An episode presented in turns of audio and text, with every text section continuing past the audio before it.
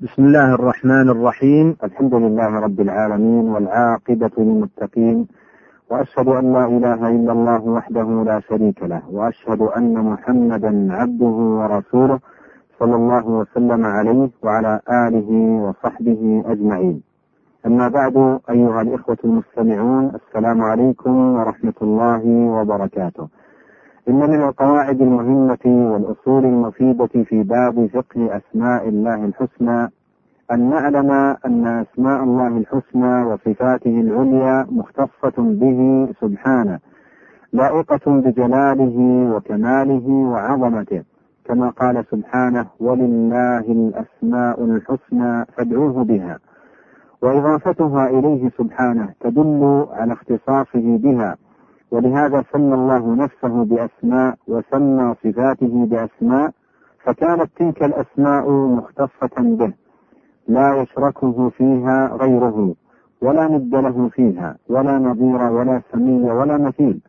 وقد سمى الله تبارك وتعالى بعض مخلوقاته بأسماء مختصة بهم مضافة إليهم.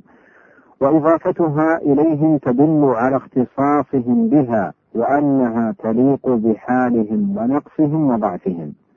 وقد جاءت هذه الأسماء موافقة لتلك الأسماء إذا قطعت عن الإضافة والتخصيص ولا يلزم من اتفاق تلك الأسماء اتفاق الحقائق والمسميات.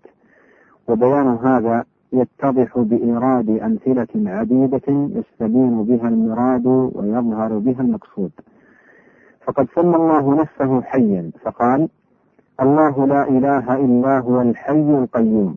وسمى بعض عباده حيا فقال يخرج الحي من الميت ويخرج الميت من الحي. وليس هذا الحي مثل هذا الحي لأن قوله الحي اسم لله مختص به وقوله يخرج الحي من الميت اسم للحي المخلوق مختص به. وهذان الإسمان يتفقان إذا جردا من الإضافة والتخصيص في معنى الحياة المعلوم وهو ضد الموت. أما في حال الإضافة والتقييد فلكل من المسميين بهذا الاسم ما يليق به.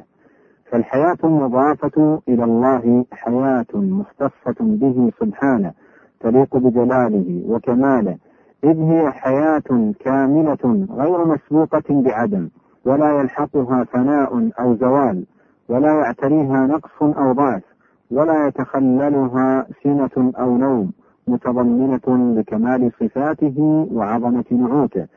والحياة المضافة إلى المخلوق حياة مختصة به تليق بضعفه ونقصه وكونه مخلوقا فهي حياة مسبوقة بعدم كما قال سبحانه هل أتى على الإنسان حين من الدهر لم يكن شيئا مذكورا؟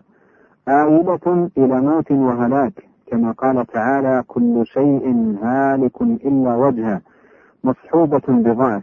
كما قال الله تعالى وخلق الإنسان ضعيفا. وسمى سبحانه نفسه عليما كما في قوله تعالى إنه هو السميع العليم. وسمى بعض عباده عليما فقال وبشروه بغلام عليم يعني إسحاق عليه السلام.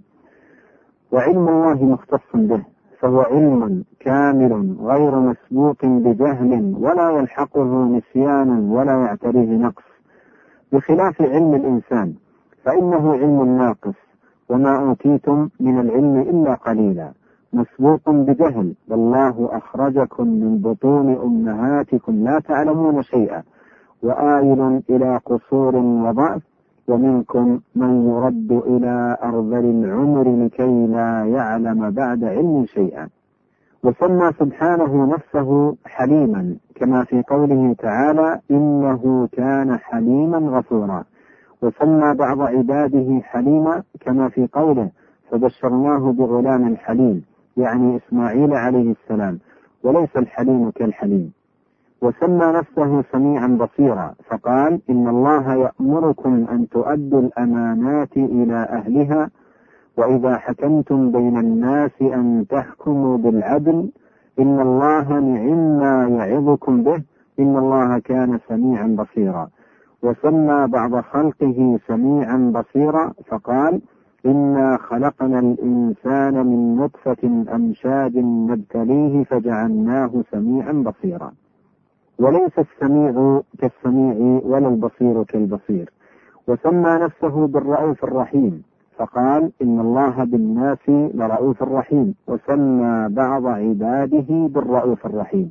فقال لقد جاءكم رسول من أنفسكم عزيز عليه ما عنتم حريص عليكم بالمؤمنين رؤوف رحيم. وليس الرؤوف كالرؤوف ولا الرحيم كالرحيم. وسمى نفسه بالملك فقال الملك القدوس. وسمى بعض عباده بالملك فقال وكان وراءهم ملك يأخذ كل سفينة غصبا وكل ملك لدى العباد فهو ملك زائل وهو بيد الله المعطي المانع الخافض الرافع القابض الباسط. قل اللهم مالك الملك تؤتي الملك من تشاء وتنزع الملك ممن تشاء وتعز من تشاء وتذل من تشاء بيدك الخير إنك على كل شيء قدير. وسمى نفسه بالعزيز فقال العزيز الجبار المتكبر. وسمى بعض عباده بالعزيز فقال قالت امرأة العزيز وليس العزيز كالعزيز. وسمى نفسه بالجبار المتكبر وسمى بعض خلقه بالجبار المتكبر فقال كذلك يطبع الله على كل قلب متكبر جبار. وليس الجبار كالجبار ولا المتكبر كالمتكبر. وكذلك سمى صفاته بأسماء وسمى صفات عباده بنظير ذلك فقال ولا يحيطون بشيء من علمه إلا بما شاء. وقال أنزله بعلمه. وقال إن الله هو الرزاق ذو القوة المتين. وقال أولم يروا أن الله الذي خلقهم هو أشد منهم قوة وسمى صفة المخلوق علما وقوة. فقال وما أوتيتم من العلم إلا قليلا. وقال وفوق كل ذي علم عليم. وقال الله الذي خلقكم من ضعف ثم جعل من بعد ضعف قوة ثم جعل من بعد قوة ضعفا وشيبة يخلق ما يشاء وهو العليم القدير. وقال ويزدكم قوة إلى قوتكم. وليس العلم كالعلم ولا القوة كالقوة.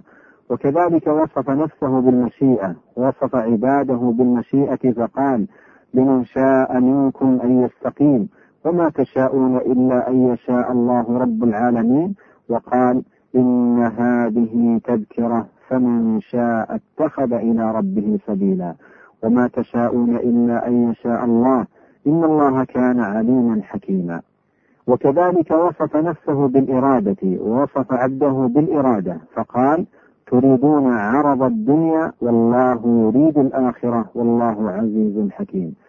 وكذلك وصف نفسه بالمحبة ووصف عبده بالمحبة فقال فسوف يأتي الله بقوم يحبهم ويحبونه ووصف نفسه بالرضا ووصف عبده بالرضا فقال رضي الله عنهم ورضوا عنه.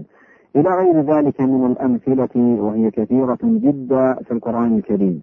والواجب إثبات ما أثبته الله لنفسه من الأسماء والصفات ونفي مماثلته لخلقه. فمن قال ليس لله علم ولا قوة ولا يحب ولا يرضى كان معطلا جاحدا. ومن قال له علم كعلمي أو قوة كقوتي أو حب كحبي أو رضا كرضاي فهو مشبه ممثل. والحق قوام بين ذلك إثبات بلا تمثيل وتنزيه بلا تعطيل. ولا يلزم من الاتفاق في الأسماء الاتفاق في الحقائق والمسميات كما هو واضح مما سبق. وإلى هنا نصل إلى تمام هذه الحلقة وإلى لقاء آخر. والسلام عليكم ورحمة الله وبركاته.